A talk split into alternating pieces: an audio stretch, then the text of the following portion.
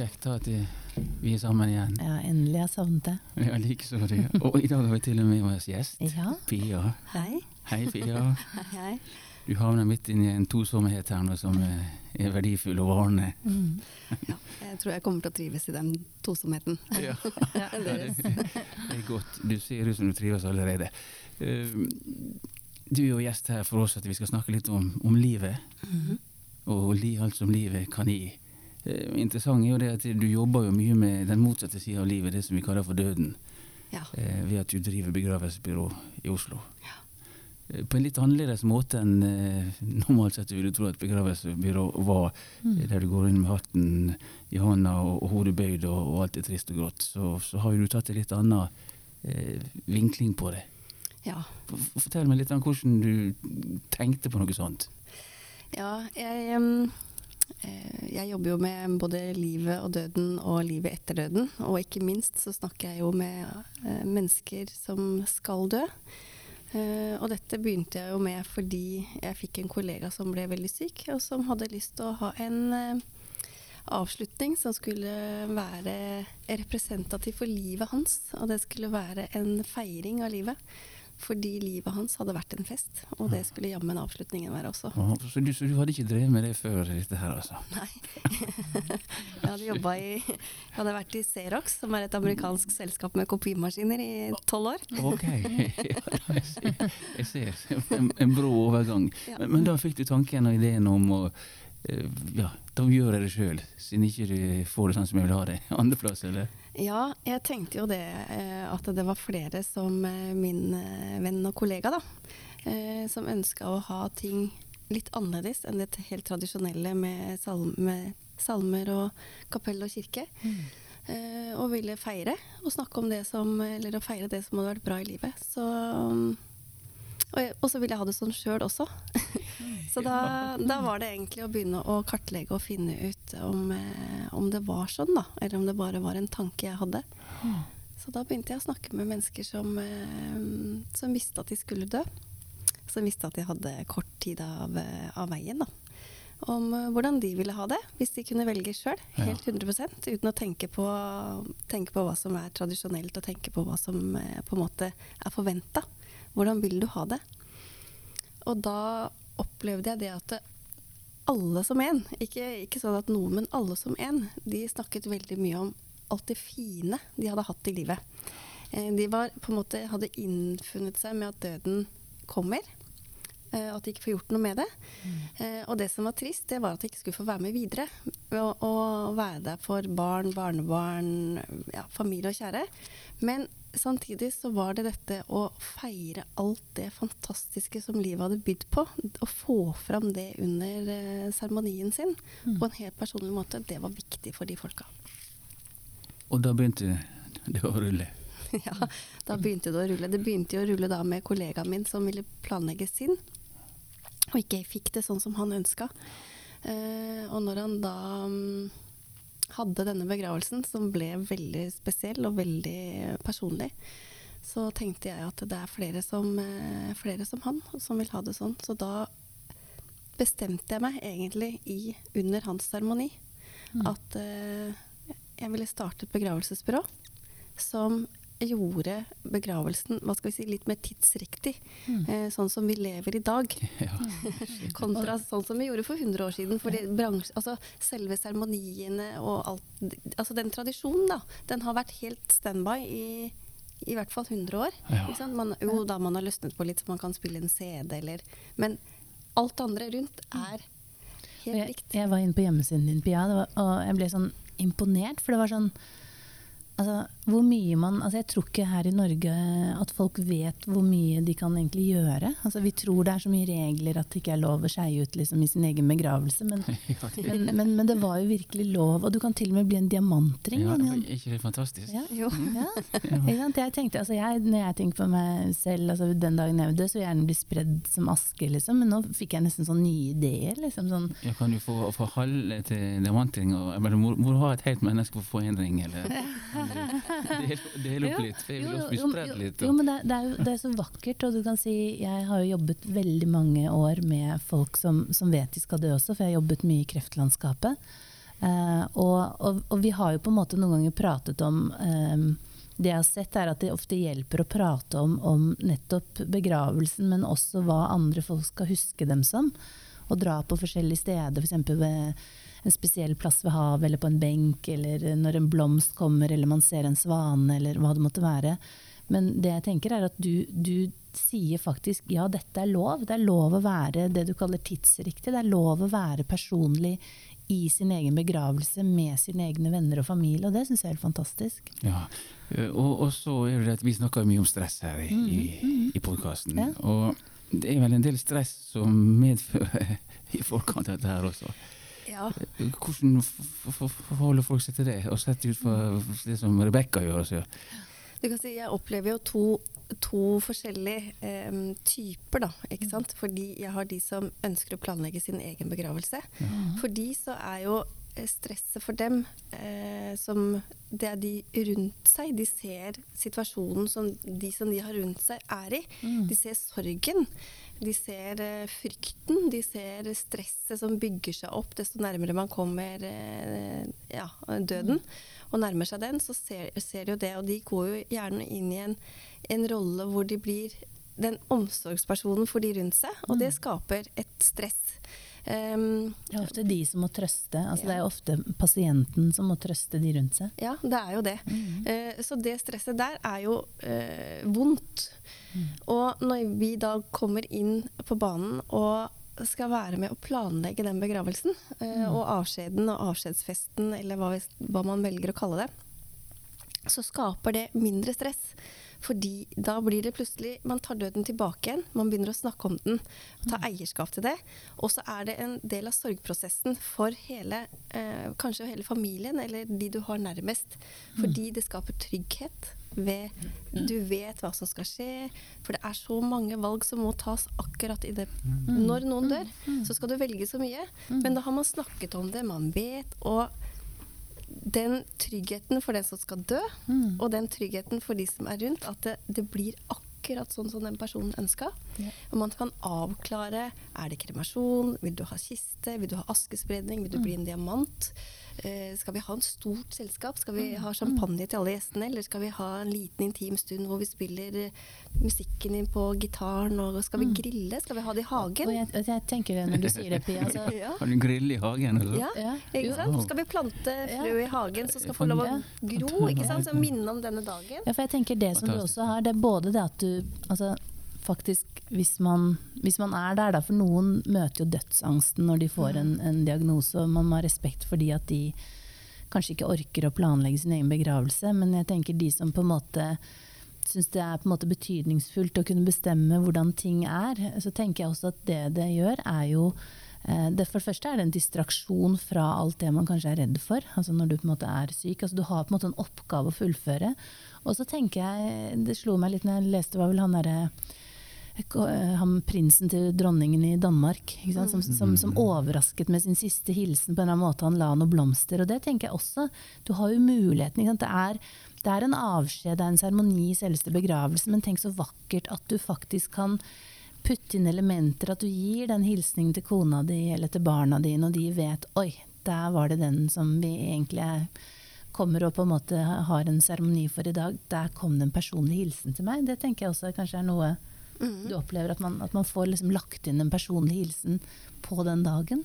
Ja, og ikke bare på dagen, eh, mm, men, men, også videre, ja. videre, i fremtiden. For man kan jo ha f.eks. man vet at det ligger i, i, i nær fremtid. Da, så ligger mm. det kanskje bryllup, konfirmasjoner, eh, store hendelser i familien eller mm, i nærheten. Så kan man gjøre ting klart. Man kan ja. lage ferdig en tale, man kan lage sang. Man kan lage sånn minnefilm og sette sammen alle de gode bildene. Så gjøre ting klart. Så når mm. den dagen kommer, da, hvis du f.eks. har et barn som skal konfirmeres til mm, høsten Så har du det klart, ja. ja. Så når dagen kommer, så kommer det en musiker som sier at det siste mm. mamma gjorde før hun mm. døde, var å lage denne sangen. Så ja, får du en sang, du kan få taler, bilder. Altså ting som du kanskje ville gjort hvis du var der. Eh, men så er du der for dem allikevel, uten mm, å være der. Mm, mm. Og det kan være en trøst for den som skal dø. Mm. Og så er det veldig fint for uh, de som er igjen. For mm. vi skal jo leve videre. Mm. ja, kunne jeg få en med stilte, f.eks., som gikk over scenen? Ja, ja. Klart det. Ja. Altså, jeg si sånn, jeg er jo veldig åpen for dette her, for jeg har alltid sett på din begravelse som et spill Mm. og et skuespill og som en hendelse. Og syns det alltid har vært altfor trist og altfor nedtrykt, og det har vært mm. tatt feil, feil vare på både dem som har vært Mm. foreldre og dem som har vært barn. Men det hele veien. Mm. Det har alltid vært noe rart med det kunstige året, og det blir veldig fælt. Ja. Mm. Og det er jo egentlig, som, som du sa i sted, Rebekka, jeg vet ikke om du sa det på lufta eller før vi begynte, men uansett så snakker du om at hvordan de gjør det i andre land og i, Mm, ja, ja. i Sør-Amerika. Ja, for du vet jo at jeg er en knalla realist Ja, fra det åpen sinn. Og det jeg digger med Latin-Amerika, det er Jeg husker når jeg leste alle Isabella Allende og Garcia sine bøker. Ja. Det er den magiske realismen som de er så kjent for.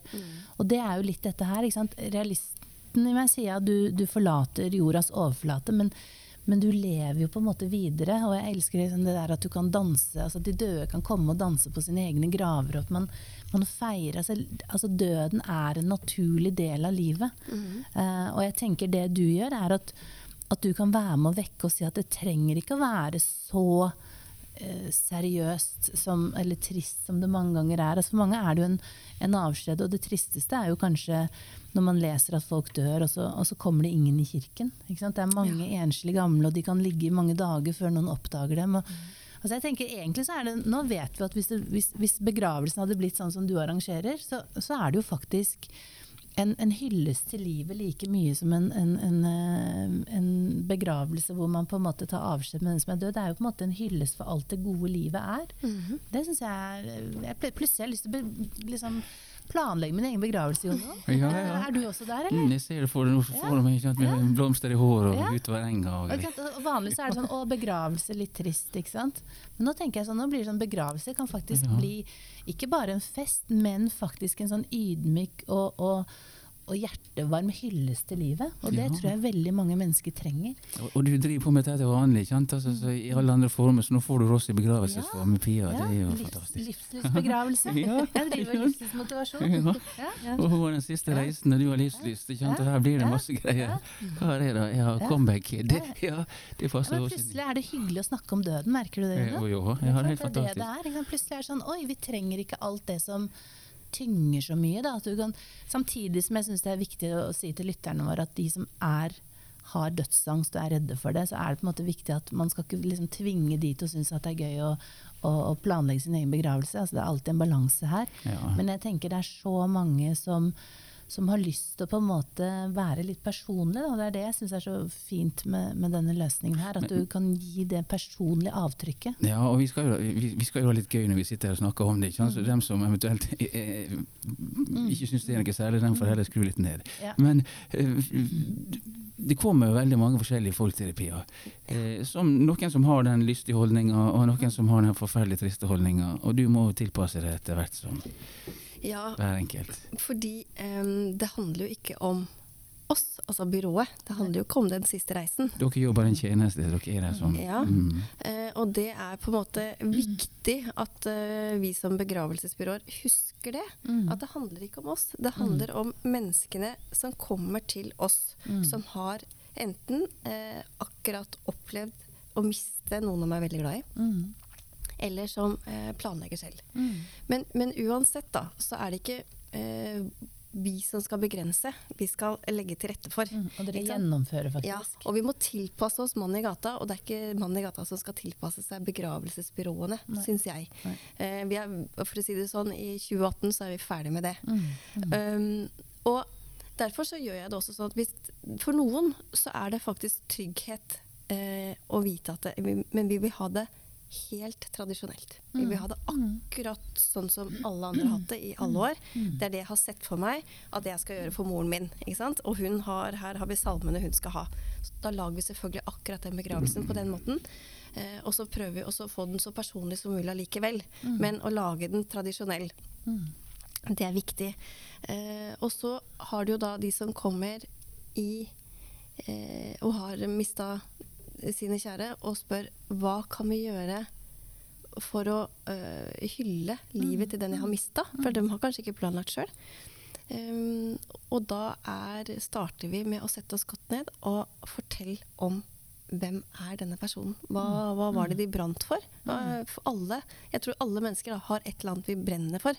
Og hvis vi skal ta døden tilbake og, og være litt herre over den, så er det ikke bare vår egen dør, men den er den rundt også. Fordi det er en trøst da, for de som skal lage avskjeden til, eh, til familien sin eller vennene sine.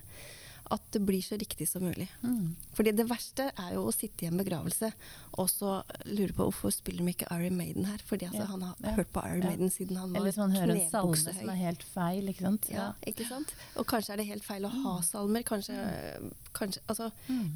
Du skal sitte der og, og ha en god følelse. Det er det viktigste. Ikke sant? Både for de som For det er jo å gå i en, be, gå i en begravelse er jo trøst for eh, det, er siste, det er siste gangen personen faktisk er der, selv om de ligger i en kiste.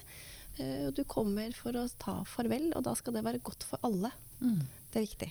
Jeg tenker også litt, Vi snakket om før vi gikk inn her at veldig mange syns det er vanskelig dette her med, med når noen dør, og gravstenen, og du skal pa, liksom passe på blomster. Og, og det er jo faktisk sånn at hvis ikke du betaler, så kommer noen og fjerner det etter en stund. ja. Mm. Eh, det var en av grunnene som jeg tenkte liksom, sånn at jeg vil bli spredd på havet, for da slipper man det med graven. Men du snakket også om at det er, det er, sånn, det er faktisk litt sånn økologiske bioting, altså at man faktisk kan plante tre, eller hvordan, hvordan var det der igjen? Altså at Ja.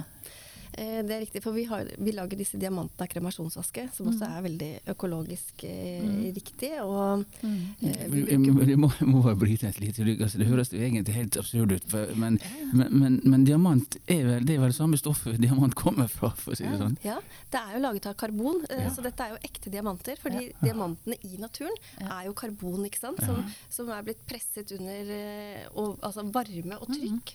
Hvor karbonet er blitt trykket sammen under enorm varme. Og vi kopierer den prosessen og lager diamanter fordi vi separerer ut karbonet fra asken. Mm. Eh, og renser det og bruker det. Og da ligger de i ett år under enormt trykk og varme og skapes rett og slett en ekte diamant. Ikke en syntetisk diamant, men en ekte diamant. En ekte diamant, så du kan skjære glass med.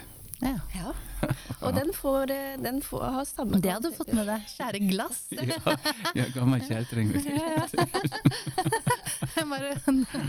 Så, eh, eh, så det er jo på en måte et en måte å kunne være med i fremtiden på. Og så kan man si til, til, eh, til oldebarn at dette, dette er oldemor. Ja. Ikke den var oldemor sin. og så kan det være med i trøst og glede generasjoner. Eh, Men det nye, helt nyeste som vi nå har fått hos oss da, i den siste reisen, det er dette å skulle plante et tre Mm. istedenfor å ha en tradisjonell gravsten. Så det vil si vi har fått eh, Det er noe som heter biourns, som Mm. er en urne som nesten Hva skal vi si, det var, han sa det før her, at det blir nesten som en løk. Ja. Eh, fordi asken ligger i urnen, og så er det et kammer på toppen som har en veldig god, uh, har veldig god vekstvilkår da, for, for et tre. Så når det ligger et frø Så blir livets tre, Jon Jon. ja. Det er også litt kult. Og så kan man være med da, i generasjoner igjen ikke sant? og skape ren luft. Man kan lage minneskoger istedenfor å avskoge og lage nye gravplasser. Så planter vi tre, og så er det med å ja, videre fremover lage nydelige rekreasjonssteder for, eh, hvor man Så kan kan gå. du gå rundt iblant trærne.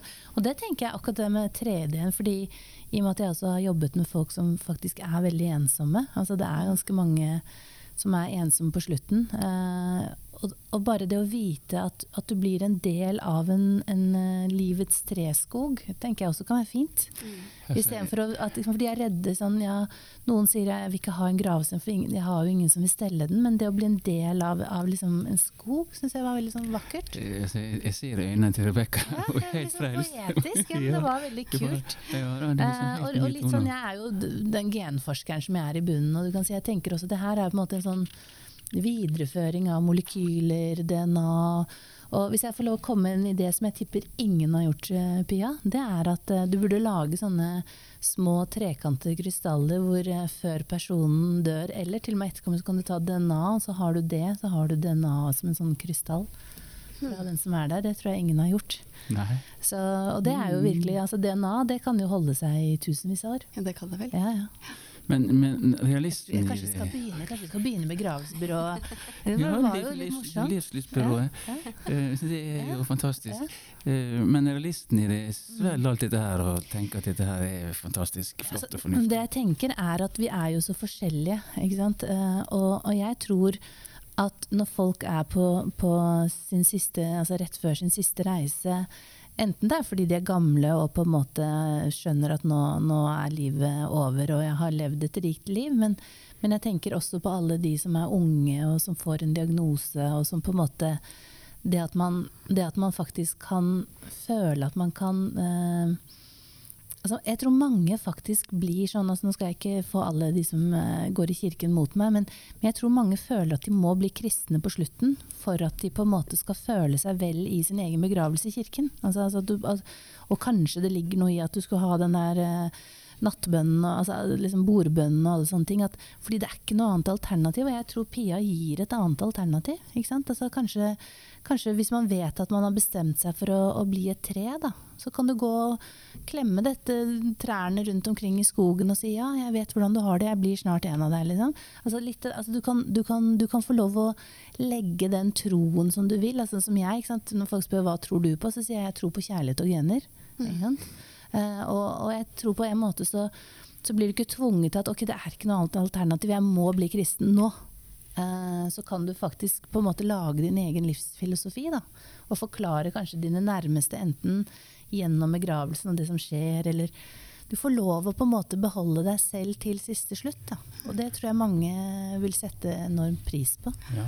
Om, om, man ikke føler at man må bli kristen, så tror jeg det er veldig mange som blir kristne etter sin død, hvis vi kan si det sånn. Mm. Fordi, enten, vil eller ei. Ja. ja. Eh, og ikke av vond vilje, men fordi man tror at, eh, og tenker at eh, det må bli sånn. Mm. Ikke sant? Fordi man eh, jo tenker, man må ha begravelse i en kirke, det tror jo de fleste. Men det må man jo ikke, man kan jo ha den egentlig hvor som helst.